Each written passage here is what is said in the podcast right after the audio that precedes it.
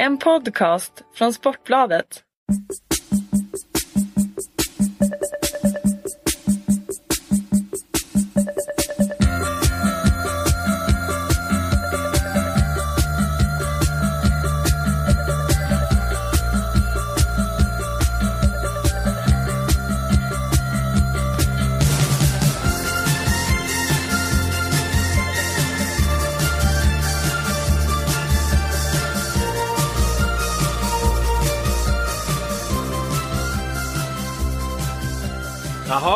Sagt att du skulle hålla eh, anförandet här, inledningen. Eh, jag tar det på svenska. Välkomna till eh, Folkets podd 51% fotboll tillbaka efter en eh, allsvensk premiärhelg. Solen skiner, eh, matcher har spelats, eh, tifon har eh, hissats. Eh, publik har vallfärdat, mål har gjorts, domslut har kritiserats, poäng har utdelats och allting är igång skulle man kunna säga. Det var en eh, spontan inledning på Mm. det hela. Eh, vi har ett späckat körschema idag för vi tänkte få med eh, allt det här och, och rymma detta under eh, 45 minuter. Plus en väl tag- tilltagen tilläggstid som vanligt. Eh, vi börjar med att gå igenom vad vi ska prata om idag Oskar. Vi, vi försöker plocka upp eh, matcherna så, så gott det går. Vi kommer gå igenom eh, eh, domarinsatserna. Eh, Det blir lika bra att ta, ta den tjuren vid hornen direkt. Eh, Vi har gjort en tifo special som vi har i tisdagens tidning här som har blivit omdiskuterad på lite olika sätt. Den går vi igenom. Vi hade en konstgräsgranskning i början av påskhelgen som fick stort genomslag. Den tittar vi lite närmare på. Har vi något mer att bjuda på? Mm, vi har ganska mycket. Du har satt ihop ett, ett körschema eh, och eh, vi får väl beta igenom det helt enkelt, eller beta av det. Första punkten heter Lauls ohyggliga sjukdom. Så sjuk var han. lite, lite kvällstidningsrubrik influerad får man väl säga att det var när jag, när jag skrev det där och, och när vi satte ihop våra punkter. Nej men det var ju lite symptomatiskt här va? att här drar allsvenskan igång och jag blir dödssjuk och det är inte så mycket att göra åt det. Va? Jag har legat sänkt i en influensa och, eh, vilket inneburit att jag har väl bara jobbat ungefär åtta timmar om, om dagen då från soffan egentligen och framför tvn. Jag skulle varit iväg på matcher. Jag var faktiskt bara på en match då. Mm. Hammarby-Häcken på Tele2 Arena. Men eh, har sett totalt fem matcher från eller fyra då till från tvn så att känna att jag har en bra bild även om jag inte varit på plats då. Det kunde inte jag hjälpa att jag åker på en ohygglig sjukdom. En och- paus bara, Ja. eh, eller en, en fråga bara. Definiera dödssjuk. ja men det blir ju värre med åren. Eh, Jag är ju snart eh, över 40 fyllda liksom och, och de här Snart jävla över 40 fyllda. Ja, ja, ja. De här jävla eh, influensasjukdomarna de tar ju oerhört styggt alltså. Eh, när man var yngre så kunde man ju kunde man ju hantera det där. Va? Det, då skakar man ju av sig det ganska snabbt. Va? Nu, nu, nu ligger man ju ynkligare än någonsin skulle jag vilja, vilja påstå. Men eh, folket satte väl sig inte för att höra, eh, höra om mina eh, krämpor och bekymmer. Jag har varit sjuk, det är inte med med det. Du tog ett beslut och stack till Norge när det var allsvensk premiär. Hur, hur förklarar du det för våra lyssnare? Mm, eh, jag tänker du som relationsrådgivare, före detta. Avgående. Eh, eh, ja, innan du fick sparken så var det ju faktiskt eh, relationsrådgivare här på, på tidningen. Eh, och då var det kanske, du kanske har lite förståelse för att jag eh, fick åka och träffa min norska familj över, eh, över eh, påskhelgen. Det hade jag inte haft någon som helst förståelse för eh, om jag hade varit relationsrådgivare. Allsvenskan drar igång, kunde inte de kommit hit? Eh, jo i och för sig. Ja. Det, det, det kan, ju, kan ju du sitta och säga men det är tungt maskineri. Ja.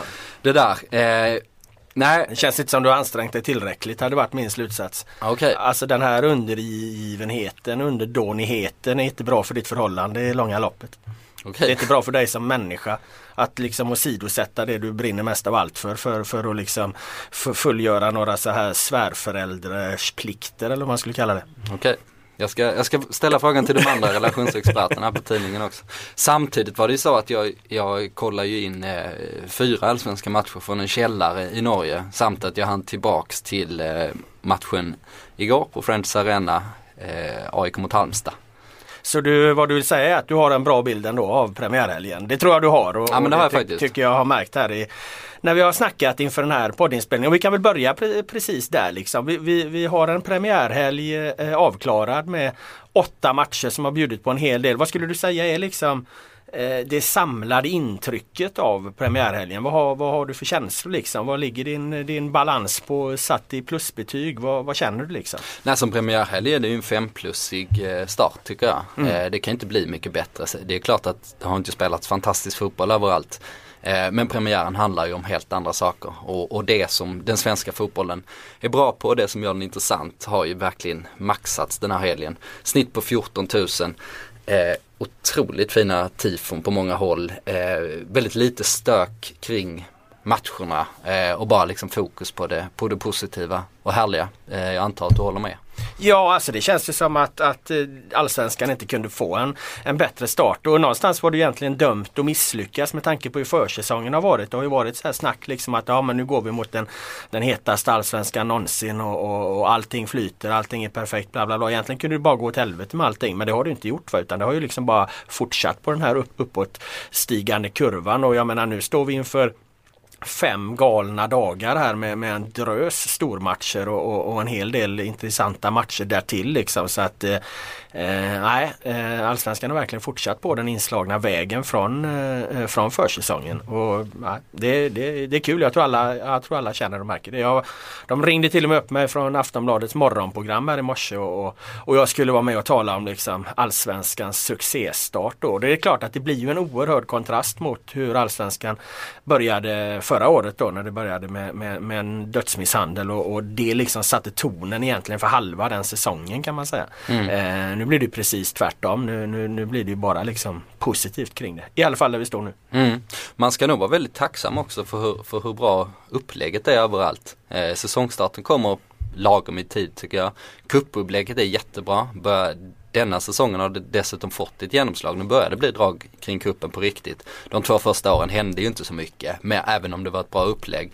Eh, vi har bevarat vår 51% regel, vi har 16 lag i, i serien. Eh, typ allt som jag vill ha har vi faktiskt. Mm. Eh, och man, eh, man tenderar ju annars att, titta på saker som man, eh, åtminstone vi, vi, vi granskar ju ofta missförhållanden och så här. Det är väl en naturlig liksom, journalistisk instinkt men det finns väldigt mycket att vara glad för tycker jag. Om vi tar något som har varit dåligt då, om vi nu ens kan säga att det är dåligt, vilket leder oss in på vår nästa punkt här. Eh, vi ser ju kanske en eh, förändring här eh, som ju i och för sig har pågått eh, under några år men de fyra stora elefanterna om vi får kalla dem det, Malmö, Elfsborg, AIK, IFK Göteborg. Alla de vinner direkt sina premiärer. Vissa med bekymmer, andra eh, helt klart. Eh, är vi på väg att få en fotbollsallsvenska där det är de här fyra lagen som är i toppen och inga andra som kan utmana dem? Mm, eh, det tycker jag faktiskt bara är positivt. Jag tycker det är härligt. Alltså, allsvenskan är ju så jämn så att eh, det, krävs, det, hade krävts hur många år som helst för att det inte skulle vara en jämn serie längre.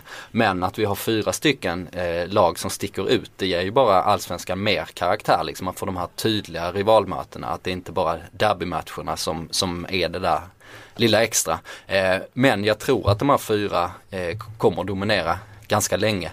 Sen så, eh, sen så har ju allsvenskan en tendens att, att saker och ting går snabbt. Eh, men, men om man jämför under 2000-talet, åtminstone från 2004-2005 någonting, så har det varit typ att alla lag är, är kan slå varandra. Ja något, något år har man ju suttit här liksom och haft så åtta guldkandidater. Ja precis. Kring, fan ska Kalmar vinna eller ska vi sätta Häcken etta liksom? Men det, det känns inte som vi är där nu. Nu är det ju faktiskt så att om något av de här fyra lagen inte vinner så är det ju att jag skulle kunna eh, typ lova att renovera min lägenhet eh, eller någonting eh, för att det känns så pass klart. I det här fallet nu tror jag att Malmö vinner ganska enkelt den här säsongen men ja det är väl mitt äta upp-tips. Men eh, jag står för det mm. fullt ut nu. Inte minst efter den här premiären såklart. En intressant reflektion jag gjorde när jag sett, för jag så, såg ju som sagt alla, alla eh, topplag här då. Eh, en, en, en, reflektion jag gör det är liksom att eh, konstgräset då, vi ska komma in på det senare men en, en litet inspel där bara. Eh, konstgräset gör någonstans att när de här bättre lagen blir ännu lite bättre än sina motståndare. Vi tar liksom skillnaden mellan Malmö och GIF Sundsvall. Eh, vi tar att liksom Elfsborg kan besegra Djurgården eh, eh borta. Vi tar, eh, eh vi, tar framförallt de exemplen. Alltså, jag tror att Djurgården och Sundsvall hade till exempel kunnat bjuda ett mycket bättre motstånd mot mot, eh, mot, eh, mot Malmö mot Elfsborg ifall, alla, ifall de här matcherna eh, hade spelats på gräs. Jag tror att, jag tror att konstgräset faktiskt gynnar de absolut bästa lagen. Eh, för jag menar om man kollar på Malmö GIF Sundsvall med, med liksom kamp och, och ta närkamperna och allt det här liksom klassiska liksom men kanske lite halvdassig plan och så vidare. Det missgynnar ju de bästa lagen. Så att jag tror att, att, vi, får, att vi får allt fler konstgräsplaner eh, i Allsvenskan. Det gör att de här bästa lagen kommer vara ännu mer överlägsna. Även de som alltså inte spelar spelar på konstgräs. Jag tänker på Malmö, IFK Göteborg, AIK. Jag tror de har en fördel av att det blir fler konstgräsmatcher om man vänder på det. Det är liksom inget försvar eller argument för något konstgräs. Tvärtom liksom. Jag tror att det gör skillnaderna ännu större. Förstår du vad jag tänker? Ja det är en intressant tanke. Det borde ja. jag ha tänkt på själv. Ja, men jag, Slår det mig nu men jag... Ta, ta järnkaminerna Djurgården liksom som har i sitt DNA liksom att de i alla fall liksom ska, ska vinna fighten och kampen liksom mot Elfsborg hemma. Men det blir liksom inte det spelet. Här blir det två konstgräslag som möts istället ställe. Och då är det klart att Elfsborg har, har lite skickligare eller har skickligare spelare liksom. Så de hanterar det. Sundsvall blir helt överkörda av, av Malmö FF. Mm. Det är intressant för allsvenskan har ju varit mycket en sån säg att alla lag har varit tillräckligt bra för att backa hem och kontra. Men inget lag har varit tillräckligt bra för att dominera Nej. matcherna. Det har liksom varit en sån moment 22 grej, åtminstone för de lite bättre lagen, att de inte riktigt har kunnat bestämma sig för hur de ska spela. Men det är ju som du säger Malmö, jag tror de har, hade eh, i stort sett, eh, eller jag tror de hade bättre facit på konstgräs än eh, naturgräs. Eh, eller de har haft det de två sista säsongerna mm. på bortaplan då. Eh, tror jag. Jag får, får väl hoppas att statistiken är rätt men jag, men jag har för mig att det var så. Så eh, ja, din, det, din spaning är nog helt Ja men jag tror det för där ser man liksom att AIK har ju bekymmer att hantera Halmstad på, på Friends då. Sen hyfsad eh, vårgräsmatta, den är bra för att vara Friends givetvis. Men, men där blir det ändå, för jag såg de här matcherna eh, på varandra. Först såg jag AIK eh, Halmstad, sen såg jag GIF Sundsvall Malmö då. Och där ser man ju att Halmstad kan ju bjuda ett, ett helt annat motstånd liksom mot AIK genom att ta, vinna duellerna. De vinner väldigt mycket dueller eh, Halmstad i den här matchen vilket gör att, att AIK får, får större problem för det blir mer duellspel. Eh, samma i, när IFK Göteborg har Åtvidaberg hemma. IFK Göteborg ska egentligen vinna den här matchen enkelt men det är lite premiärnerver med och så vidare. Plus att, att det blir ett, ett annat duellspel på, på, på en, en gräsmatta. Så att de två matcherna är ju jäm, jämnare för att de spelas på gräs. Mm. Och då var Halmstad väldigt bleka tyckte jag. De backar hem med hela sitt lag eh, och sen försökte kontra men de hade liksom ingen plan för hur de skulle kontra. Så, eh, men ändå blev det 2-1 så det, det kanske hade blivit en 3-0 match då om, det, om den spelas på konstgräs ja, Det är inte alls omöjligt alltså. Du var på plats på den matchen. Är det något särskilt du vill eh, säga om den? Eh? Ja, jag såg ju faktiskt bara första halvlek. För att i andra halvlek stod jag nere i, eh, i den här mixade zonen utanför omklädningsrummet. För Nabil Bahoui han fick ju en eh, spark i huvudet av Mohammed Ali Khan eh, och fick hjärnskakning.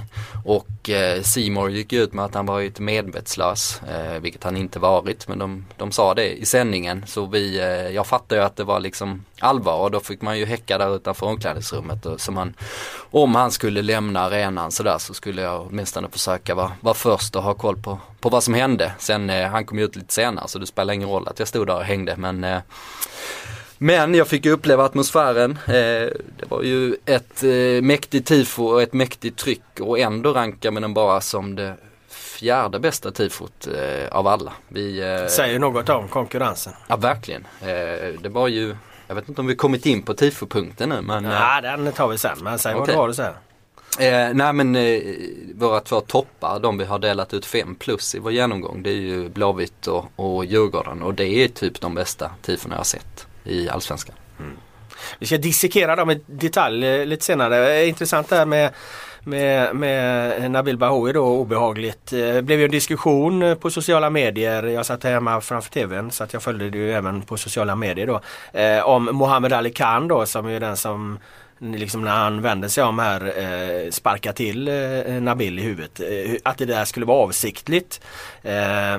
Omöjligt för en utomstående att veta men som man känner Mohammed Ali Khan så låter det ganska otroligt att, att han liksom medvetet skulle sparka till en, en motståndare i huvudet. Han är hård och, och tuff och drar på sig mycket varningar och, och kort och så vidare men eh, kanske lite vårdslös men eh, känner man honom så är det ju en oerhört, eh, eller jag känner, jag, jag känner inte honom men alltså har du liksom pratat med honom och träffat honom i intervjusituationer så, så är det en, en, en mjuk och ödmjuk och varm människa så jag har oerhört svårt att se att han skulle göra detta avsiktligt. Möjligen att han liksom ja, vifta till med foten där för att och, och, ja, markera någonting eller så. Men att, att han gör det avsiktligt, försöker sparka Nabil i huvudet. Det, jag kan inte tänka mig det.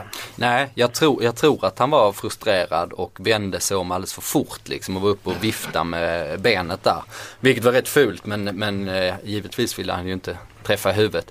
Eh, och sen dessutom han, han kom ju in i omklädningsrummet och la armen om honom och, och sa krya på dig gubben, eh, hade han sagt. Eh, och han var ju verkligen ångerfull eh, efteråt när vi, pratade, när vi pratade och Mohammed Ali Khan ställde ju upp, han pratade ju först med tv och sen pratade med alla journalister i en 20 minuter och sen så snackade jag med honom i, i en liten sån här kort tv-intervju också så han, han hade ju sina hundögon där och var, och var verkligen ångerfull och, och bedyrade att det inte varit på allvar. Och sen nu i förmiddag så pratade jag med Nabil. Han var väldigt trött för han hade inte kunnat sova mer än två, tre timmar i sträck för de måste liksom Men man får inte sova när man har eh, hjärnskakning va? Nej exakt. Eh, så hans, eh, hans mamma och pappa och frugan sa han. Jag tror inte de är gifta i och för sig men han kallar henne frugan ändå. Mm. De hade väckt honom liksom då med jämna mellanrum och kollat till honom. Men så även om det var okej nu så får han ta det lugnt. Han missar åtminstone två matcher. Malmö-matchen nu på torsdag va? Mm. Och eh, även Gävle som är på söndag.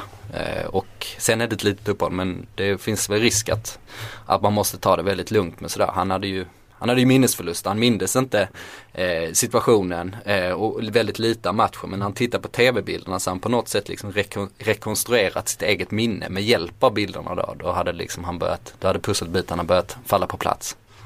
Annars då? Eh, du såg inte andra halvlek där? Du såg inte... Eh... Jo, jag hade en tv-apparat jag kollade på ah, men det var ju okay. utan ljud sådär. Och man ah. hörde ju hur det vrålades inne på Friends och hur ah, tyst det. blev när Halmstad gjorde 2-1. Eh, men som premiär betraktat, det, det var ju en, AIK spelade inte särskilt bra. Halmstad var väldigt bleka som jag, som jag sa. AIK spelade inte särskilt bra. Men jag har gått på många AIK-premiärer och de brukar ju vara fruktansvärt dåliga den här tiden på året. Mm. Så så det var ändå en liten axelryckning. Så bara det faktum att de vann matchen har de ju, vilket de inte gjort på sex år. Senast de vann en premiär var också mot Halmstad. Det var 2009 då, där de vann guld. Jag tyckte de fick lite onödigt mycket skit gentemot hur jag upplevde den på, på tv för insatsen så. Jag tycker ändå att, jag menar Matchbilden blir ju som den blir när Halmstad går ner och, och, och ställer sig. Det är en premiär, alla är inte på topp. Jag tycker ändå passningsspelet är helt okej. Okay, visst, det går lite långsamt men vem fan, vem fan liksom är uppe i, i, i fullt eh, eh matchtempo direkt.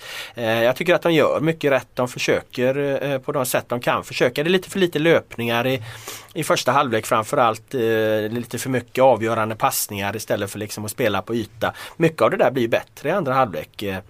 Jag tycker att AIK faktiskt gör en, en bra premiär. Mm, Okej, okay. ja andra halvlek såg jag inte så. Nej, så, så, det blev, så det blev väl lite bättre då kanske. Ja. Eh, jo men det, det var väl eh, okej okay på så sätt. Men sen hade de ju, de hade ju ingen press Eh, Halmstad hade ju ingen press på bollhållaren alls så det var ganska rätt och lätt att rulla runt så att säga. Mm. Eh, men eh, det verkar ju vara naturlag att AIK är hemska på våren och sen så växlar de upp på sommaren och sen är de bäst i serien mot hösten. Ja men jag tror att de eh. kan bli, bli ganska bra tidigare. Mm. Tittar man framåt då så bör de ju slänga in eh, Brustad mot eh, Malmö när det blir en annan typ av match. Va? De kommer väl eh, ju vara mer tillbakatryckta i alla fall och hans snabbhet i omställningsspelet där tror jag kommer vara avgörande så att han tror jag vi får se från start. Mm, vi spekulerar lite om det. Vi, vi gissar väl på en 4-5-1 uppställning mm. då mer defensivt och Johan Blomberg kommer eh, petas in i mitten. Eh, och sen får vi se om, han, om Andreas Alm kanske bänkar Bangura eller om han spelar Bangura till vänster med, eh, med Henok på topp. Eh, det blir nog lite ändringar. Eller det blir det ju såklart när mm. Nabil, Nabil inte spelar. Nabil såg ju väldigt pigg ut i det. De små aktionerna han gjorde, han liksom fick inte så mycket uträttat men man såg den där kvaliteten igen. Att eh, ja, han kan göra grejer på egen hand. Det är bara att skicka ut bollen på vänsterkanten och sen så då blir det farligt. Jag vet inte om AIK kollade sen på Malmös match mot Sundsvall där och det är klart, eh, jag vet inte svårt att dra eh, vilka växlar man ska dra när motståndet är så pass svagt. Det är ju det av naturliga orsaker. Jag menar eh, Malmö FF spelar Champions League i höstas. GIF Sundsvall spelar i Superettan i höstas. Jag hade blivit förvånad om det inte var väldigt stora skillnader. Men Malmö får ju några av målen väldigt enkelt och det är ju en sak. Däremot var jag imponerad av Malmö så långt det här var en fotbollsmatch. Liksom, har väldigt mycket positionsbyten.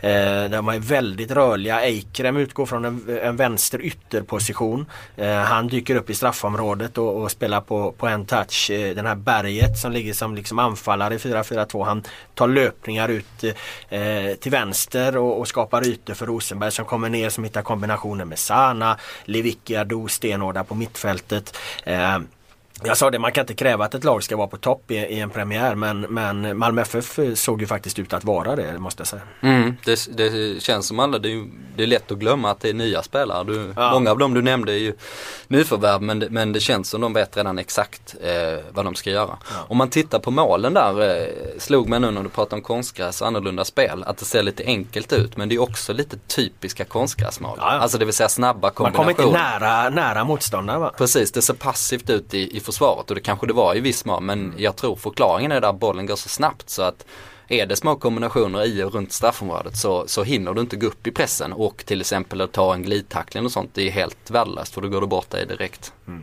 Nu, du, vi ska komma in på, på domarinsatsen och det som förändrade Malmö-matchen kan vi göra lite senare men de tvingas ju också till förändringar här nu då när Ado är borta inför, inför stormötet mot, mot AIK då eh, och där blir det väl antingen så att Rakip kliver in eh, eh som innermittfältare ersätter då rakt upp och ner eller också kommer Eikrem in på, på innermittfältet och så spelar man till exempel Cibicki på en kant. Eh, Berget kan också gå på en kant. Man kan laborera runt där lite. De får göra lite, lite ändringar eh, eh helt klart. Eh, däremot så känns det som att både Malmö och AIK har så pass stora och starka trupper att man kan hantera en förlust av Bahoui, man kan hantera en förlust av Ado.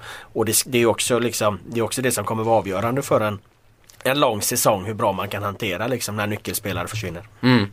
Ja visst har de det och just de positionerna det var ju det var ju rätt positioner så att säga. Åtminstone mm. i AIKs fall för de hade AIK fått en, en mittback eh, skadad, Per Karlsson skadad. Då hade du dem mm. haft jobbigt att parera det. Men just på, eh, på yttern där så har de ju massor, massor med alternativ. Brustad, Sam Lundholm startade igår, Niklas Eliasson eh, spelar inte ens. som som jag tycker väldigt mycket om, som jag i ett eh, ogenomtänkt ögonblick kallar för supertalang i den här podden. Ja, men du kallade en gång Viktor Claesson, om jag får göra en så kallad radioövergång, för supertalang och den verkar du faktiskt få in här nu så, sådär tre, fyra år senare. Det känns ju som att det här är Viktor Claessons år om vi går över till Elfsborg då som ju eh, imponerade under sin eh, premiärseger mot Djurgården borta på Tele2 Arena. Det var Viktor Claessons match. Han är, han är ju eh, direkt inblandad i båda målen och gör ett par fantastiska fantastiska liksom, prestationer i samband eh, med dem. Eh, med sin liksom, spelförståelse, teknik och, och löpstyrka och, och liksom sin hur han lever sig in i situationerna och fullföljer dem. Alltså, jag var väldigt imponerad av Viktor Claesson. Han är vaksam som Glenn Strömberg skulle sagt. ja det är möjligt. eh, nej, men man ser ju ofta den typen av spelare att de försvinner. De, för, som är, de som är bäst i nummer 10-roll, de har vi ofta svårt att stoppa in i svensk fotboll. Eh, och det blir ju ofta att man har dem som någon slags eh, alibi-spelare på kanten istället. Och sen mm. så får de inte ut sitt max. Och sen testar man sätta upp dem bara på, eh, ja, som anfallare. Eh, men han lyckades ju verkligen med det och sen har han ju snabba fötter runt sig och eh, Elfsborg var ju kanske de som imponerade mest i premiäromgången tyckte jag. Eh, apropå att man vet hur man vill spela. Eh, om vi pratar om att Malmö gör det så tyckte jag att Elfsborg det syns verkligen att de vet vad de vill och, och de här unga killarna då, det är ju Anders Svensson 38 som som gör eh, bak, bakom stödjebenet fint på mittplan eh, med fem minuter kvar.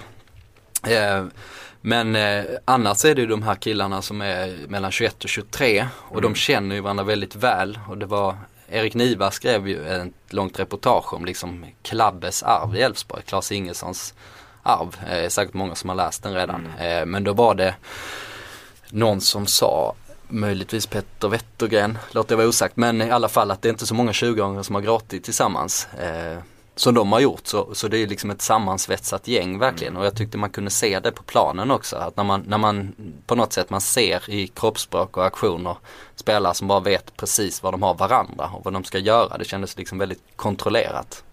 Det här, eh, det här såg man ju redan eh, förra året liksom hur, hur de här, när Elfsborg fungerar, när löpningarna liksom är synkroniserade så, så spelar de på ett ganska unikt sätt i svensk fotboll skulle jag säga. Deras problem var väl förra säsongen att de inte alltid fick det här att fungera i varje match så att säga. Men eh, grejen är ju att nu blir det, även om de är unga de här spelarna, så är det inga duvungar ändå. De flesta har ändå gjort rätt många allsvenska matcher nu och då jämnas ju också liksom prestationskurvorna ut. Då har du inte, då har du inte de här dippen liksom på massa spelare hela tiden utan då håller de ganska, ganska hög nivå hela tiden. Så att där har du en extrem styrka för, för Elfsborg. Men framförallt mm. är det ju intressant med Claesson om, om, om det verkligen blir hans år här då. Det var som du var inne på att det är inte så många tior som lyckas i svensk fotboll. Eh, men han, han lyckas. Lex Per Zetterberg ja, han, han, kommer ju lyckas så länge han är så rörlig som han är i den där rollen. Alltså. För mm. han är oerhört rörlig alltså, och löper så oerhört mycket. Mm.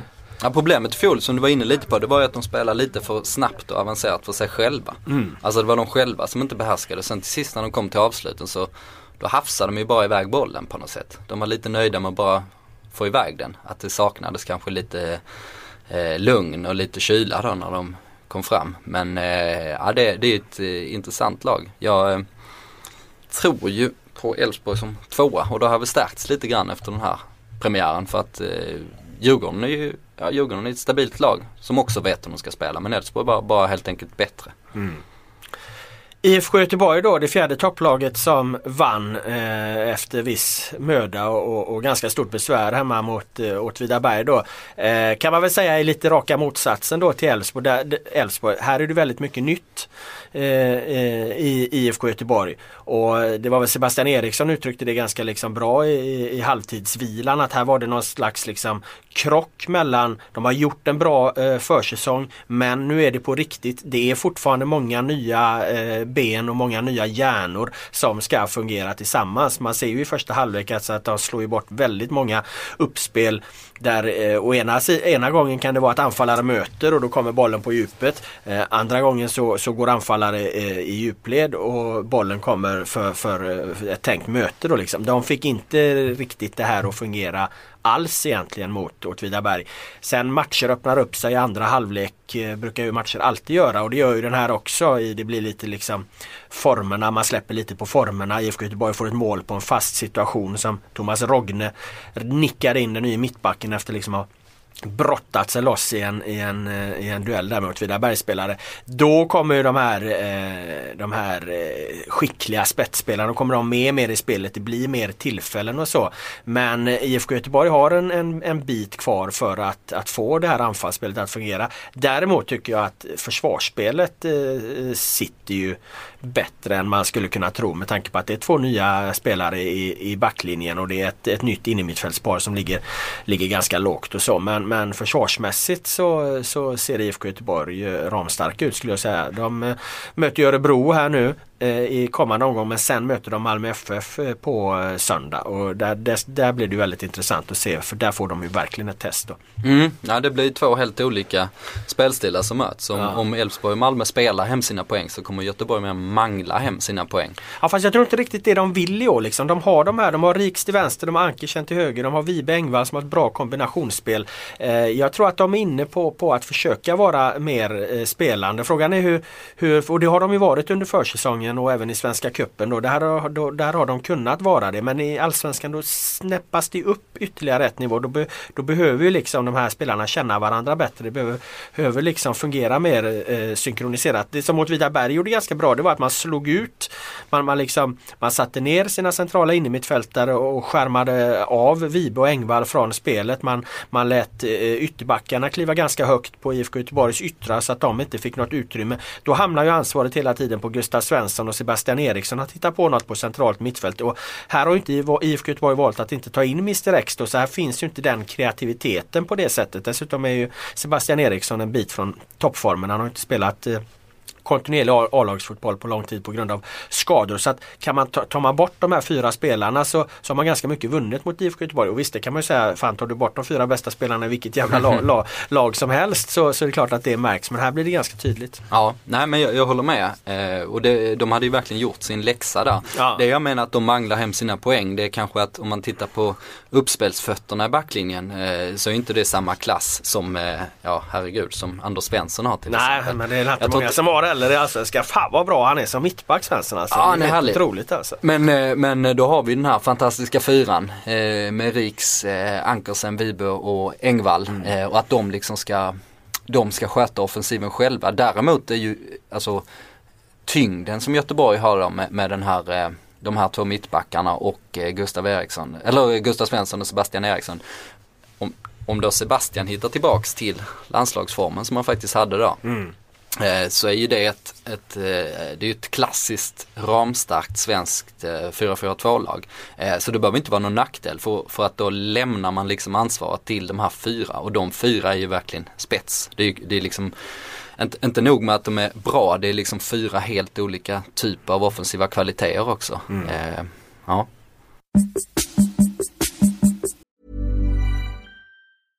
Ryan Reynolds here from Mint Mobile. With the price of just about everything going up during inflation, we thought we'd bring our prices down. So to help us, we brought in a reverse auctioneer, which is apparently a thing. Mint Mobile unlimited premium wireless. Ready to get 30, 30, bit to get 30, bit to get 20, 20, 20, bit to get 20, 20, bit to get 15, 15, 15, 15 just 15 bucks a month. So, Give it a try at mintmobile.com slash switch. $45 upfront for three months plus taxes and fees. Promo rate for new customers for limited time. Unlimited more than 40 gigabytes per month. Slows. Full terms at mintmobile.com.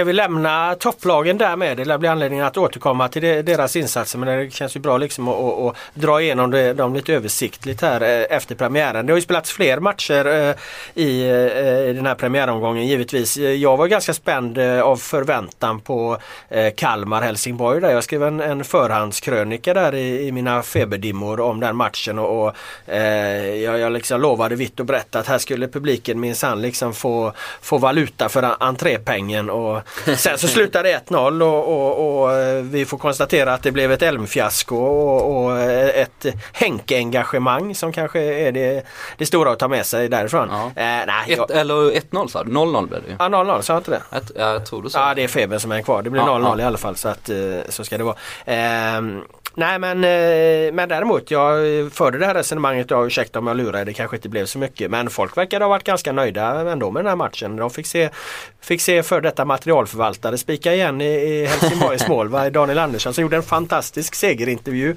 Eh, Efteråt där han liksom eh, blinkar först så var han väl rörd till tårar och sen så blinkade han hem till, eh, till eh, sin familj och vänner framför tvn där att de skulle, skulle ta en påskgrogg för honom också. Så det är en riktig profil det där alltså. Jag förstår varför Helsingborgsfansen gillar honom. Ja, Ja, men det blev ju inte mycket av, av älmarna liksom. Nu var ju inte alla med liksom. Men, men både Viktor och David var ju, var ju med men båda lämnar planen mållösa. Mm, de gjorde det.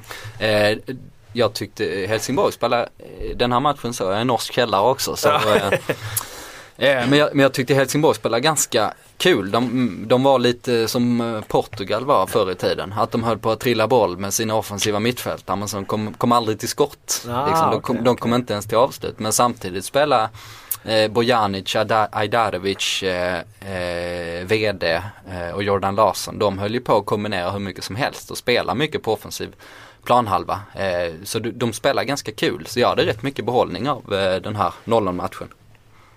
Du var väl du som eh, twittrade att om Henkes engagemang, var det inte du Ja, som tog, plockade upp den tråden liksom? Hur han levde sig in från eh, sidlinjen. Mm, det är de ju har- fortfarande lite en kontrast det här med den här Henke. Man har ju bilden av han i intervjuer och, och, och så här men man, varje gång man egentligen ser det nu, man såg det redan i Falkenberg, hans oerhörda liksom, han har ju, lever ju med känslorna utanpå i sin tränarroll med, med glädjen och besvikelsen och, och liksom coachingen och så vidare. Och han kan tänka mig att han är ännu värre, eller värre, ännu bättre med det nu i, i, i Helsingborg. De hade en mick ganska nära Helsingborgs avbytarbörs uppenbarligen. Eller så skrek Henke bara så jäkla högt så det hördes över, över hela arenan. Men man hörde ju det på tv-sändningarna.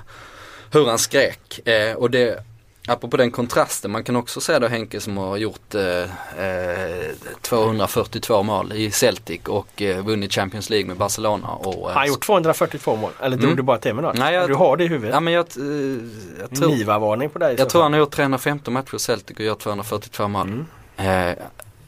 Det är sådana siffror som har suttit där i, i tio år nu. Vi, får, väl- ja, vi får väl se om, om, om de var rätt då. Jo men 242 mål är jag rätt säker på. Ja. Ehm, Det är bra. Ja. Eh, Av dig. Tack. Han har i alla fall, eh, han har ju meriter från allra högsta och största nivå. Eh, men när han coachar dem så fick jag lite så här pojklags eh, vibbar på honom. Alltså det han skrek var så Före studs! Alltså när det kom en hög boll att man, du vet som man hade i, i pojklaget att man inte ska vänta på att den studsar utan man ska verkligen attackera den höga bollen så man liksom rensar väg den. Och det var lite andra sådana instruktioner vid inkast och så här. Framförallt till Jordan då hur han skulle stå och det var liksom Ja det var väldigt, väldigt basic men han levde sig in så mycket i alla detaljer och det var, eh, ja, det var härligt att se. En samvetsfråga för pappa Larsson då. Eh, Är det rätt att Jordan spelar eller? Ehm, ja men det tycker jag. Han ser, ganska, han ser ju bra ut eh, i sina aktioner. Eh, det, det man slås av väldigt mycket när han spelar är att han är oerhört lik Henke i sina eh, första touch. Du vet den här extremt snabba touchen, alltså bollen kommer till honom och sen Och framförallt koncentrerade var väl Ja. liksom Henkes signum. Liksom, Att Exakt, han missar aldrig. Nej, tappar aldrig liksom fokus på vad han ska göra där. Frågan är om Jordan han spelar nästan lite för snabbt. Alltså han hade kunnat hålla i bollen lite men han som targetspelare så får han den och sen har han liksom spelat tillbaks bollen direkt. Och de sitter ju där de ska och det är ju ofta väldigt bra men ibland kanske han skulle hållit i och eh, kanske dribblat lite för han är ju väldigt teknisk och har ett jäkla skott med vänsterfoten. Eh, men det är kanske svårt när man har Henrik Larsson. Jag måste googla nu bara säga vad du ska googla? ja, många mål Vad fan du kan inte släppa det alltså. Du har hållit en liksom lång jävla utläggning här men du har haft kvar det där i bakhuvudet någonstans som har mål Henke Larsson har gjort i, Nej men om man, Celtic. om man häver ur sig sån här exakt statistik då måste man ju kunna backa upp det. Ska vi säga 174 mål står här men jag tror det är ligamatcher. Eh, det är spännande, spännande podd just nu. Alltså den här tystnaden tror jag kommer folk kommer undra vad fan vi håller på med. Vi får, får eventuellt försöka klippa den. Eh, Enligt, enligt Dagens Industri, märklig källa, gjorde han 242 mål på 312 matcher. Ja, ja, då så. Då var du rätt på det. Eh, Kalmar, Elmfiasko, är det för hårt eller? Eh, ja, det beror ju på. Det är, klart man kan, det är klart man kan säga det men eh, det har å andra sidan spelats en match. Eh, men, men de var ju bleka, det var de. Båda? Ja, det var de faktiskt. Då eh, slår vi fast det då, Elmfiaskot. Ja. Eh, vad har vi mer för matcher? Jo, vi har ju eh, Falkenberg-Gävle ett eh, på förhand eh, bottenmöte får man väl säga där eh, Gävle satte ner foten och Falkenberg eh, satte inte ner foten. Nej, eh, det är ju en sån eh, extremt tung seger för Gävle. Alltså ta tre poäng på bortaplan för dem är ju det händer ju inte så många gånger på en säsong ändå så att de eh, vandrar ju därifrån med 2-0.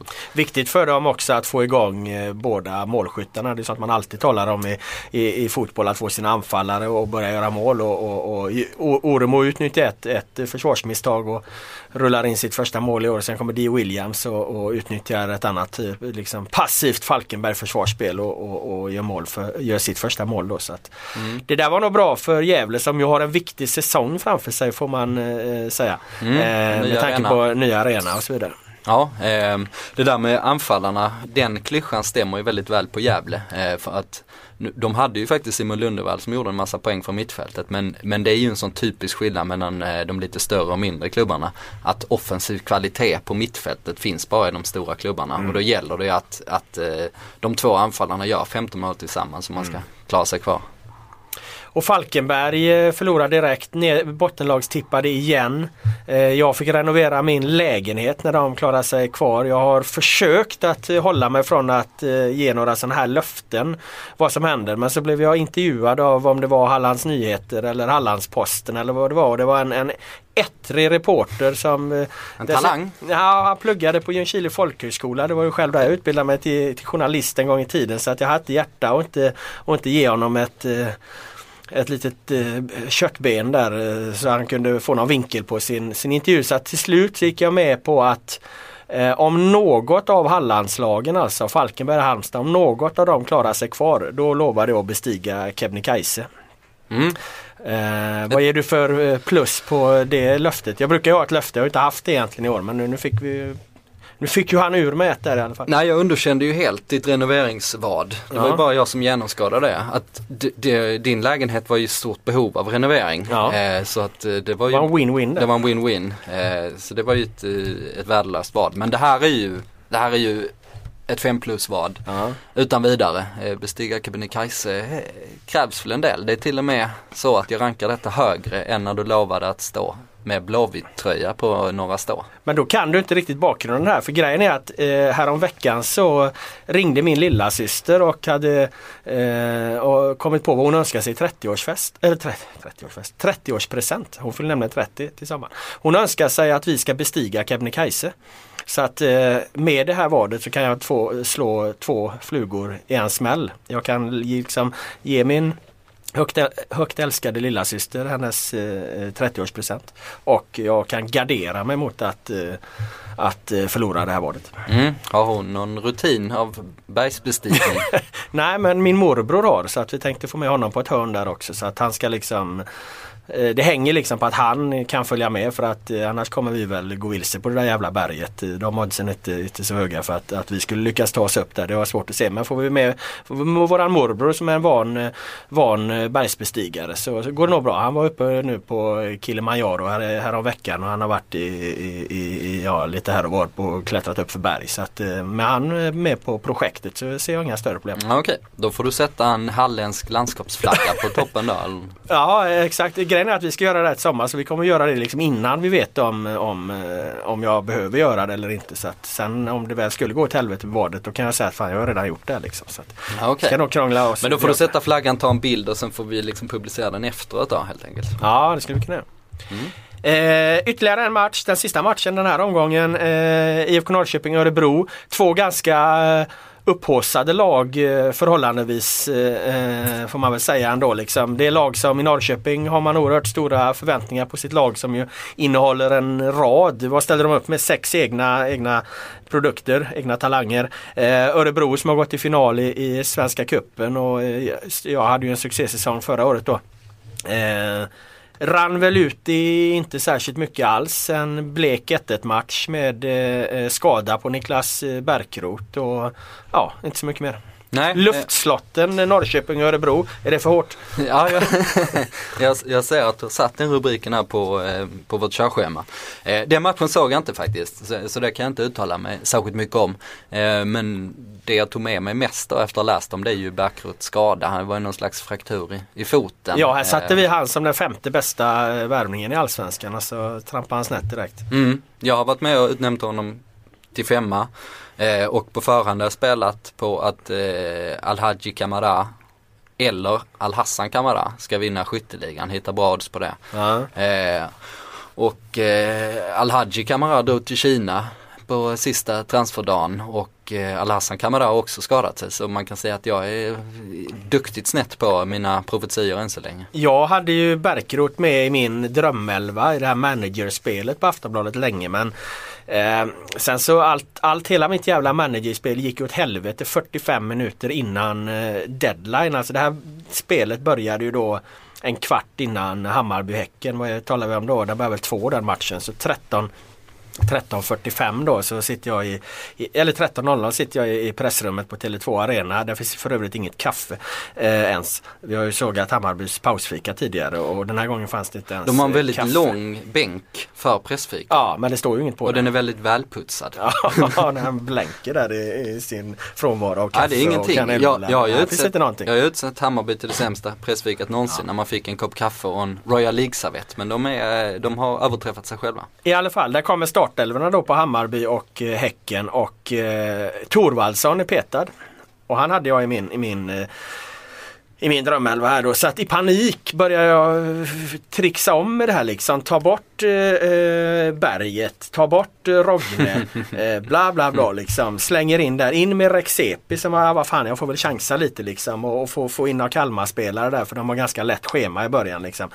Eh, men berget bort, eh, Berkrot bort, eh, eh Rogne bort. Att jag tog väck Berkrot var ju bra då visade sig men Rogne går ju och nickar in liksom ett mål i premiären. Berget gör två mål, båda de är typ borta. 10 minuter. Rexepi var den iskallaste spelaren som har satt sin fot på en fotbollsplan eh, att döma av hans insats mot mot Hammarby. Så, så, så den här eh, elvan gick ju helt åt helvete bara för att jag anade att eh, Peter Gerhardsson inte kommer satsa på Thorvaldsson då i, i Häcken. Å andra sidan har du en sån liga där man inte tillåter byten. Nej jag kan ju inte göra något. Så du har, ju, tju- ja, men du har ju 29 omgångar kvar att hämta igen det på så att säga.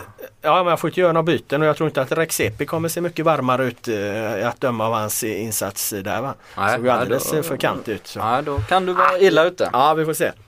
Eh, vad heter det? Det var ju för övrigt en, eh, en match som vi inte har nämnt, eh, Hammarby-Häcken. Alltså det allsvenskan, vi talade ju om allsvenskan den här succépremiärhelgen och det fick ju verkligen ett eh, Det fick ju verkligen fart med premiärmatchen mellan eh, Bayern och Häcken. Det var ett bra drag inne på, på Tele2 Arena. Det, det ska man ha, ha klart för sig. Och Hammarby möter Häcken. Hammarby är nykomling. Häcken är, är allsvensk fjolårsfemma men om jag, när jag sammanfattar den matchen så ser det ut som att det är Hammarby som är den här, det här laget som har legat i allsvenskan i, i en herrans massa år.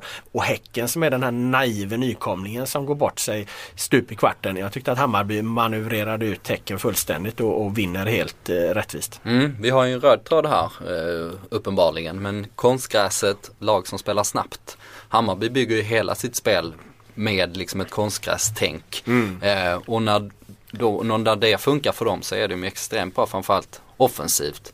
Eh, ganska ofta under fjolåret sa man att det inte funkar, då bara var de misstajmade och, och åkte på omställningar hela tiden. Men, men de spelar ju det där fartspelet fullt ut. Eh, och typiskt en sån spelare som Måns Söderqvist då som, som kommer helt till sin rätt i det läget och gjorde ett eh, väldigt fint mål men han bara Den ju- stötte in en eh, yttersida i, i bortre. Otroligt passivt försvarsspel dock av, av eh, Simon Sandberg var det väl i det läget eh, som ju eh, kan kliva upp liksom och, och täcka på ett helt annat sätt. Liksom. Mm. Men, men, men står och gör egentligen ingenting så att han får liksom vrida in den i bortre där Söderqvist. Den spelare jag i Hammarby som jag var mest imponerad av och jag menar du har ju följt dem i Superettan mer än vad jag har gjort. Eh, men det är ju Besara eh, som jag inte har sett särskilt mycket av eh, under försäsongen heller. Eh, nästan så att jag fick en känsla av att Nanne liksom har, har, har velat maskera det här. Va? För fan vad bra han var alltså. I, han såg ut att vara född i den här ytan mellan Häckens backlinje och mittfält och, och han fick väl mycket mer tid än vad han borde haft innan Häcken började korrigera det här. Men spelade väldigt fint på ett tillslag och, och låg bakom väldigt mycket öppnande passningar. Stark i kroppen. Han måste ha byggt på sig ett par, ett par kilo muskler. För att han, han, nej, han var riktigt fin att se det. Han eh, måste, ja Hammarby har ju tränat extremt hård fys för att de ska palla det här tempot. Mm. Eh, och Besara han spelade assyriska eh, länge. Gjorde en säsong med mycket poäng från mittfältet. Ett 4-3-3 spelade de eh, och han var liksom kreatören där innan Hammarby plockade in honom. Men och han är liksom den här eh, naturbegåvningen. Eh, oerhört spelsinne, oerhört teknik, fint tillslag. Men har varit lite knepig karaktär. Eh, liksom, jag vet inte om han varit mogen tillräckligt. Eh, du, din granne Valentin Chasrudin som var tränare i Assyriska som ville ha det här korta spelet. Han, han berättade för mig att han har jobbat väldigt mycket med Besada och liksom låtit han blomma ut på sina villkor. Att han, eh, ja, han, den här karaktären har man liksom fått ta hänsyn till. Eh, För att annars skulle han inte alls passa in. Men nu när han då fått bygga upp sig och liksom blivit hjärntvättad av Nanne så har det ju hänt någonting. Eh, För även i fjol var han ganska ojämn. Eh, ibland ser det ut som han knappt jobbar hem. Eh, men jag håller med dig, han, har, han ser ju riktigt, riktigt bra ut i den där 10-rollen. Ja, apropå min granne där, Valid, så firade jag nyår där. Eh, De bjöd på sushi och vi hade en fin middag innan vi gick ut och sköt lite raketer och så vidare. Och då eh, tipsade han faktiskt om att Besara skulle få sitt eh, eh, genombrott i år, sitt stora genombrott. Och sen har jag överhuvudtaget inte tänkt på, på, på det så mycket mer. Det var nyår och så här. Men det slog ju mig nu när jag såg honom då. Jävlar ja, fan det där pratar ju Walid om ja. Helvete alltså. Det, så att eh, han hade det på känn att, att Besara skulle explodera i år och, och, det är väl för tidigt att säga att han kommer göra men hans första match var, var imponerande. Han kommer nog göra en hel del poäng. Han ja. passar ju bra in också i den här offensiven då om Kennedy är den stora eh, kreatören. Eh, och Kennedy ser också bättre ut än på länge även om han är, fyller 35 den här säsongen. Och så då Måns Söderqvist som, som springer på precis allting och hotar djupled. Så de tre funkar ju bra ihop. Mm. Eh, jag har inte så mycket bakgrundshistorier från den här eh, matchen. Du, vet, du hade ju ditt när du är i AIK och du är nere i, liksom, i katakomberna där och väntar på Nabil och så vidare. Jag höll mig väldigt passiv eh, efter matchen. Jag gick inte ens på presskonferensen för att jag, då hade jag ju min, min liksom, djungelfeber började slå till med kraft lite innan men framförallt när jag satt och frös här på pressläktaren. Så att jag höll mig ifrån. Man vill ju liksom inte Man vill ju inte vara den som, som går och ger Söderqvist en förkylning inför en match mot, mot Elfsborg. Då, då hade man ju fått flytta från stan för fan. Ja inte bara förkylning men djungelfeber blev det plötsligt. Ja, djungelfeber där liksom på, på Söderqvist inför Elfsborg. Snart, snart är det ebola. Ja, så den enda, den enda jag intervjuade efter den här matchen med, med liksom mikrofonen på långt, långt avstånd det var Simon Gustafsson. Så att om, om, om Simon nu skulle ha insjuknat i någon svår sjukdom då, då får jag väl Häcken-fansen på mig istället. Men det, det är en bit mellan Hisingen och Stockholm så att det, det går att parera på ett, på ett annat sätt. Mm. Så att jag har inte så mycket kul att berätta eh, från eh, efterspelet där faktiskt. Eh, vad som hände förutom att, att det kan leda oss in på domarnas premiärinsatser eftersom vi hade ju en straffspark i den här matchen. Det är ju Hallenius, Linus Hallenius som Eh, i duell med Häckens mittback Emil Wahlström. Får en straff där. Eh, den andra straffen som varit omdiskuterad det var när Viktor Claesson går omkull mot Falsetas i Djurgården-Elfsborg. Och den tredje straffen är ju, är ju eh, Ado som får straff mot sig i duell med Chenuffi heter han va? Yep. I GIF Sundsvall. Eh, som vars fina prestation glömdes bort lite innan den här Sundsvallsspelaren Chenoffi då när han liksom trixar sig fram där. Skitsamma. Tre straffar och eh, vad jag har förstått liksom så har det blivit någon, något slags övergripande eh, anslag på detta att det döms för enkla straffsparkar i Allsvenskan nu mot bakgrund av eh, premiäromgången. Min fråga till dig Oskar Månsson, håller du med? Mm, svårt att säga om det är en trend redan. Ja. Eh, men de här tre är ju intressanta att diskutera allihopa faktiskt. Ja, jag tycker ju inte det här. Jag tycker ju att, att straffen straffen på Hallenius är, är solklar. Han har ju ett, liksom, ett grepp runt honom i, i ett par sekunder liksom. Eh, så den tycker jag, ja, ja visst den, det är väl liksom inte den det är väl det är inte den solklaraste straff man har sett men vad fan det är väl inga problem att blåsa straff där. Jag tycker att Viktor Claesson får en, en, en klar knuff av, av Falsetas. En helt onödig knuff av Falsetas dessutom liksom och, och faller, ja men då är det väl straff liksom. Den som är extremt tveksam och direkt felaktig skulle jag säga. Det är väl i så fall Ado, eh, Ado där som ju touchar eh, Chinofis arm lite grann liksom i momentet innan han kommer till avslut. Eh, jag tycker det är för lite. Jag är tveksam till att det ens hade blivit frispark ute på plan. Och sen då dessa konsekvenser detta får. Vi kan ju sitta och räkna upp här i evighet liksom. Matchen förändras. Malmö får en man mindre ut, eh, spelare på planen. Det blir eh, straffspark, det blir mål, han blir avstängd i nä nästa match. Det tar ju aldrig slut alltså. Nej, för, en, för denna lilla förseelse. En trippelbestraffning Ja, det är en kvadruppelbestraffning. Ja, eh, de två första då, om jag bara ska kommentera dem så håller jag nog med dig. De, de är inte sådär självklara kanske men jag lutar åt straff eh, i båda fallen. Framförallt är det ju väldigt dåligt försvarsspel i båda ja. fallen. Riktigt, riktigt klumpigt.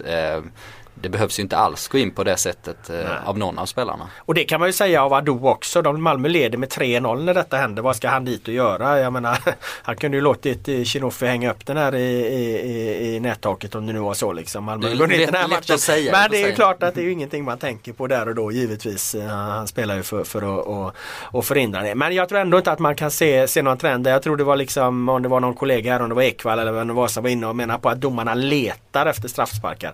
Möjligt att Patrik får, får rätt i den spaningen men jag tror den är lite tidig. Alltså jag tycker att de här som sagt de två första där är straff och att det, det är Larius då eh, att det är den som är, är den tveksamma. Mm, det är det ju. Eh, du hade väl något citat från Larius där? Har du fått fram det eller som var värt att, att lyfta fram? Ja precis. Eh, Lageus är ju en eh, väldigt eller han är inte bara militärisk, han är ju gammal militär. Ja, ja. Eh, och har för en, detta eh, yrkesmilitär. Ja, och har lite den eh, auran kring sig. Eh, dessutom tycker jag han är direkt korkad när han går ut efteråt och så benhårt står på sig och har noll förståelse eh, för det här. Nu läser jag från Expressens eh, intervju med honom.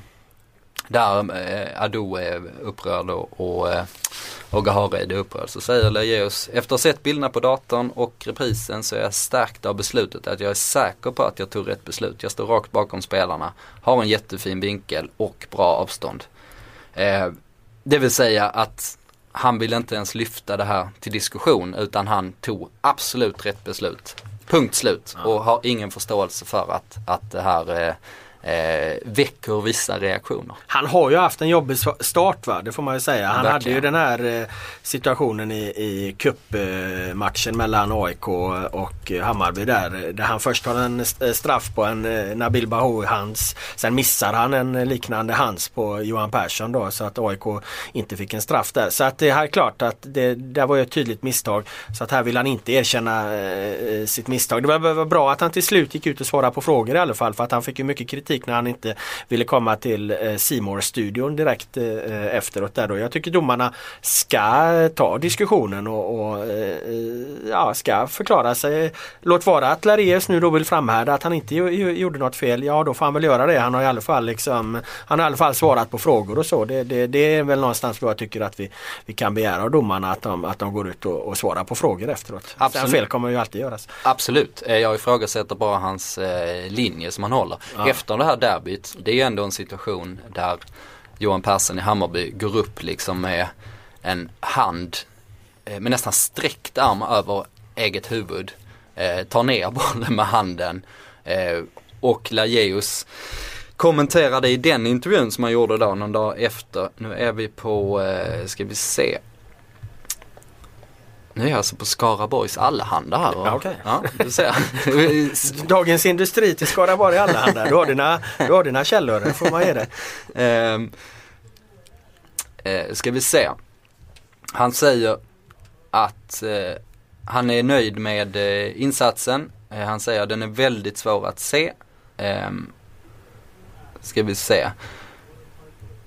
Just det, klart att det är jättekul att, att få de här matcherna. Det, vis, det visar att det gått bra och jag är också jättenöjd, alltså jättenöjd med insatsen. Det är li, åtminstone lite samma linje. Ja, ja, ja. Eh, jag tror att domare har, eller till och med de mest enögda supportrarna har jätteförståelse för om domaren går ut och först säger okej, jag, jag får titta på situationen, eh, jag vet inte hur det är och sen när man tittar på det och det då antingen är fel eller det är klart disk- diskutabelt att domaren bara säger det, okej jag gjorde ett misstag, eh, det är en svår situation, bla bla bla. Jaha, då, har, då lägger man det åt sidan och så går man vidare. Men om man ska liksom likt Martin Hansson alltid stå på sig och, och ta det här kriget liksom och mot allt och alla. Eh, då är man ju eh, väldigt snett ute. Jag vet inte riktigt vad man tjänar på det. Nu har ju Lareus då lyckats eh, rätta upp först AIK-fansen och sen Malmö-fansen här nu. AIK, eller Malmö AIK möts ju nu på torsdag. Vart intressant med Lareus som domare i den matchen. Ja, det hade det var spännande. Hur man skulle vänt sig då. Sidospår där med Martin Hansson. Han var ju med i en dokumentär som heter Rättsskiparen. Ja. Ganska högtravande titel. En dokumentär där de följde honom om ett år och den dokumentären sammanföll med det här misstaget han gjorde i playoff mellan Frankrike och Irland. När Henri tog med handen två gånger och Frankrike fick in ett sent mål och- och gick till VM. Och ja, det var väl de största reaktionerna någonsin mot en domare. Så det blev ju väldigt påpassligt för den här dokumentären. Eh, men då bygger de ju upp det här eh, liksom eh, hatet mot honom och eh, det är liksom media är helt eh, liksom fruktansvärda, lyssnar aldrig på honom och, och nästan liksom eh, driver någon slags kampanj mot honom. Eh, sen vet jag för sig att vi, framförallt Lasse Andrell skrev ju mycket om honom. Men, det, men, det, men bilden är givetvis inte så ensidig. Eh, och det, det här liksom eh, eh, de här hemska, hemska journalisterna och eh, liksom världens samlade ondska sammanfattas i en enda scen. Och det är när jag dyker upp på Stockholms stadion eh, efter en så allsvensk match mellan typ Djurgården, Örgryte eh, och står utanför domarrummet och ska be om en kommentar där. Efter en omdiskuterad situation som han gjorde rätt också eh, för övrigt. Och då är ju det här dokumentärfilmet inne i eh, domarrummet och så bygger man upp det här då media eh, media, eller mediekampanjerna mot honom och sen så öppnar han dörren och då står jag där, hej Oskar från Aftonbladet. Eh, och då säger Martin Hansson, nej det blir inga kommentarer. Och, och, och jag tror typ att han skämtar då liksom, för han säger det så snabbt. Så jag skrattar ju som en fåne där liksom. eh, och sen så får jag ju givetvis fråga, men varför inte det då liksom? Och då vänder han sig upp så han liksom får kameran mot sig. Jag märker inte att det är en kamera, eller det är ofta folk som filmar Ja, ja. där. Och så säger han, nej du representerar så dålig journalistik. Så, så, så du ska inte prata. Och sen så följer, ja då följer jag efter honom några meter där. Eh, men då ser det ju ut lite som att det är någon slags förföljelse där. Och, och detta är ju bara i korridoren, det är ju där man snackar med folk efteråt. Det är bara så det går till.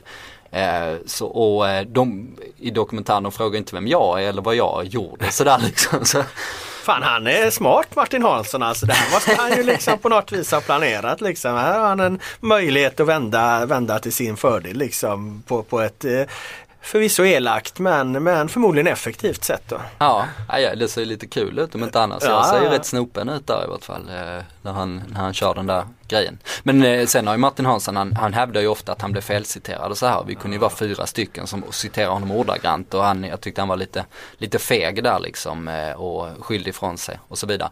Däremot tycker jag att de flesta domarna är rätt bra på det där. Alltså de är ju ödmjuka och, och sådär och ställer upp och, och, och så. Så det är ju ingen större problematik i, i sin helhet. Nej, och vi ska väl balansera den här rapporteringen i det här samtalet då med som sagt att vi tycker ju att eh, av de här tre straffarna har vi diskuterat två har varit helt rätt dömda. Eh, vi hade en till eh, omdiskuterad situation när Henok Goitom då eh, tar emot bollen med armen. Eh, så som man gör när man liksom fäller ut armarna för att hantera balansen men också lite liksom för, för att ibland ta hjälp, eh, ta hjälp lite av armen.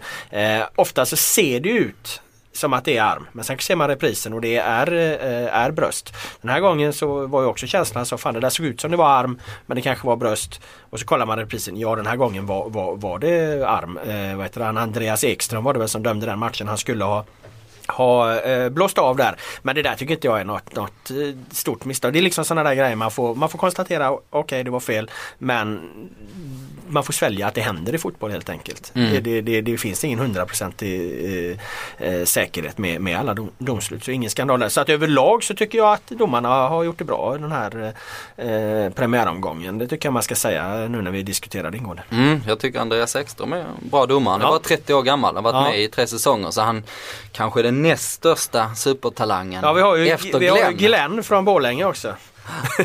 Glenn Nyberg från Borlänge som eh, fick en och annan röst när vi frågade runt bland eh, de allsvenska tränarna vem de tyckte var Sveriges bästa domare. De flesta svarar ju givetvis då Jonas Eriksson men Glenn Nyberg fick eh, en och annan röst.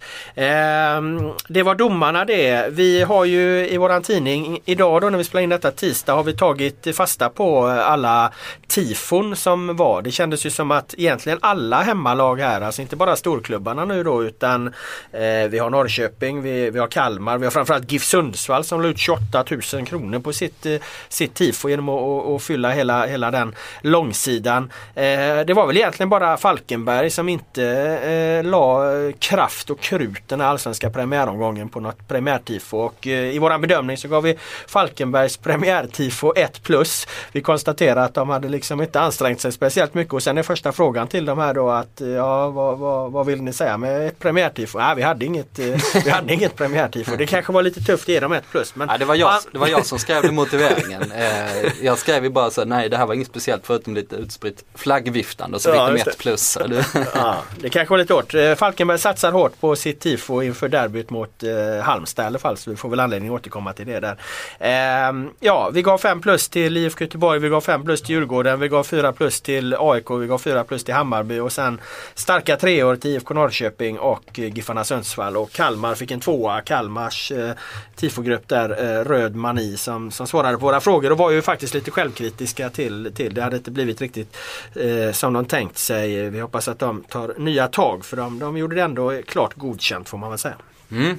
Men jag tyckte det var ett kul grepp som vi gjorde. Vi snackade lite inför eh, säsongen här på, på tidningen hade vi ett, ett möte där vi liksom drog upp linjerna för allsvenskan lite grann. Eh, och då pratade vi ju mycket om att vi ska skriva mer om supportrarna, lyfta supportrarnas frågor och fokusera på det som händer på läktarna. Eh, för det, det är ju faktiskt det, ja som vi pratade i början, det är ju det som är det bestående. Eh, från premiären och nu gjorde vi ett jätte grepp här med alla tifon och, och recenserade exakt vad de gjorde och, och kollade upp eh, med eh, olika personer som hade legat bakom de här eh, jobben och det blev ju eh, det blev ju rätt kul faktiskt. Ja det hade blivit ännu bättre ifall alla hade svarat på det. Det var väl eh, Ja. eh, Hammarby och IFK Göteborg framförallt där då som, som helt eh, vägrade svara på, på några som helst frågor om det där. Det, det, jag har lite svårt att för, förstå det där. Eh, Jag kan förstå att, eh, att eh, supportrar och kanske ibland allsvenska lag och så känner sig liksom lite eh, Eh, att medierapporteringen är lite missvisande men jag tycker inte att det är Sportbladet eh, som ska ses som fienden eh, i det här. Jag menar ofta när det händer negativa saker runt Allsvenskan så ja, det är klart vi skriver om det men det är ju då liksom Ekot och Aktuellt och, och alla sådana här liksom som har det enorma genomslaget tar upp de negativa sakerna runt Allsvenskan och, och, och förmedlar en då negativ bild. Sen tar ju de här, de, den typen av redaktioner, de tar ju aldrig upp allt det positiva som händer runt svensk fotboll. Jag menar vi i Sportbladet, vi berättar ju allt om eh, Allsvenskan och svensk fotboll. Vi berättar om det är stök, vi berättar när det är bra, vi, vi liksom pumpar matcher, vi har folk på plats och så vidare. Så att jag har lite svårt för den delen av, av fansperspektivet att, att vi, att sport, just Sportbladet eller sportredaktionerna liksom ska representera fienden. Jag menar att det, det, det är faktiskt en helt felaktig bild. Jag kan förstå om de känner, känner sig eh, orättvist behandlade emellanåt supportrar men, men jag tycker inte att det, det, det liksom är Sportbladet som, som ska bära det ansvaret just av den anledningen att vi faktiskt hela tiden, varje dag, 365 dagar om året tar upp allting som rör svensk fotboll. Mm. Vi har ju gjort eh, en hel del tveksamma publiceringar genom åren men om man tar de sista kanske tre åren så tror jag inte riktigt man kan säga någonting som har blivit sådär galet. Eh, faktiskt och, och jag märker ju det. Jag pratar ju ofta med supporterklubbarnas ordförande. Jag tycker jag har en bra dialog med dem och de liksom uppskattar verkligen att de får ett forum att föra fram eh, sina frågor. Eh, och det blir ju lite, lite eh, Eh, ja, nästan lite komiskt här. Om jag läser så Emil Salomonsson som jag, som jag snackade med eh, igår och frågade vad tyckte du om tifot? Så svarade han så här. Tifot som våra fans fixade var fantastiskt. Det var bland det mäktigaste som jag sett. Framförallt var det häftigt att det var, en, eh, att det var, över hela arenan som en hyllning till våra gamla hjältar. Det var gåshud, säger han. Den hyllningen och sen så sitter Jonathan Berntsson här, reporter på Sportbladet och ringer runt till halva Göteborg och frågar eh, om tifot och ställer frågorna. Hur mycket tid tog det? Vad kostade? Hur föddes idén? Vad vill ni förmedla? Eh, och de i tifogruppen bara vä- fullständigt vägrar att svara på det. Med sådana här argument. Så nej, ni vill bara sälja lösnummer. Eh, det, det vill vi inte vara med på liksom. Eh, ja. Det, blir, det blir liksom, debatten blir så dum på något sätt. För jag menar, där är det bara för dem att eh, det är bara att berätta det här liksom. Eh, hur de har jobbat, man behöver inte säga särskilt mycket om det. Nu blev det i och för sig en allmän kommentar från, från änglarna så det, det blev väl eh, där de sa att de var, var stolta och glada liksom. Eh, men jag tror att Men Hammarby fick vi väl inget svar från alls? Nej, Hammarby hade jag kontakt med. Jag hade kontakt med folk från eh, tifogruppen som legat bakom det och jag hade kontakt med deras eh, SLO, alltså det vill säga den här supporter ombudsmannen eller vad man ska säga. Mm. Ja, länken mellan, eh, mellan klubb och, och supportrar och Mm, medier och allting. vik- liksom. Viktig funktion där eh, som många klubbar är bra på tycker jag. Ja, som väl Sportbladet eh, dessutom var med och instiftade genom den här Älska fotboll-kampanjen där. Vi var väl med och, och, och pröjsade för eh, SLO när man tog fram det här SLO-projektet. Nu, nu står det väl på, på egna ben på, på ett annat sätt men, men där var ju Sportbladet också en del i att, att tillsätta, att, att, att liksom förverkliga den här SLO-tanken. Som ju är ytterst är ett krav från Uefa då att alla klubbar ska ha en SLO, vilket är ett bra. Vilket är bra. De är bra, bra de här SLO-erna. Mm. Men eh, det, vi, jag har ju ringt många gånger till Bayern fans och eh, vill snacka med dem och de bytte ut ordförande ganska många så jag kommer knappt ihåg vilka det är. Men det har alltid varit nej, vi pratar inte med er.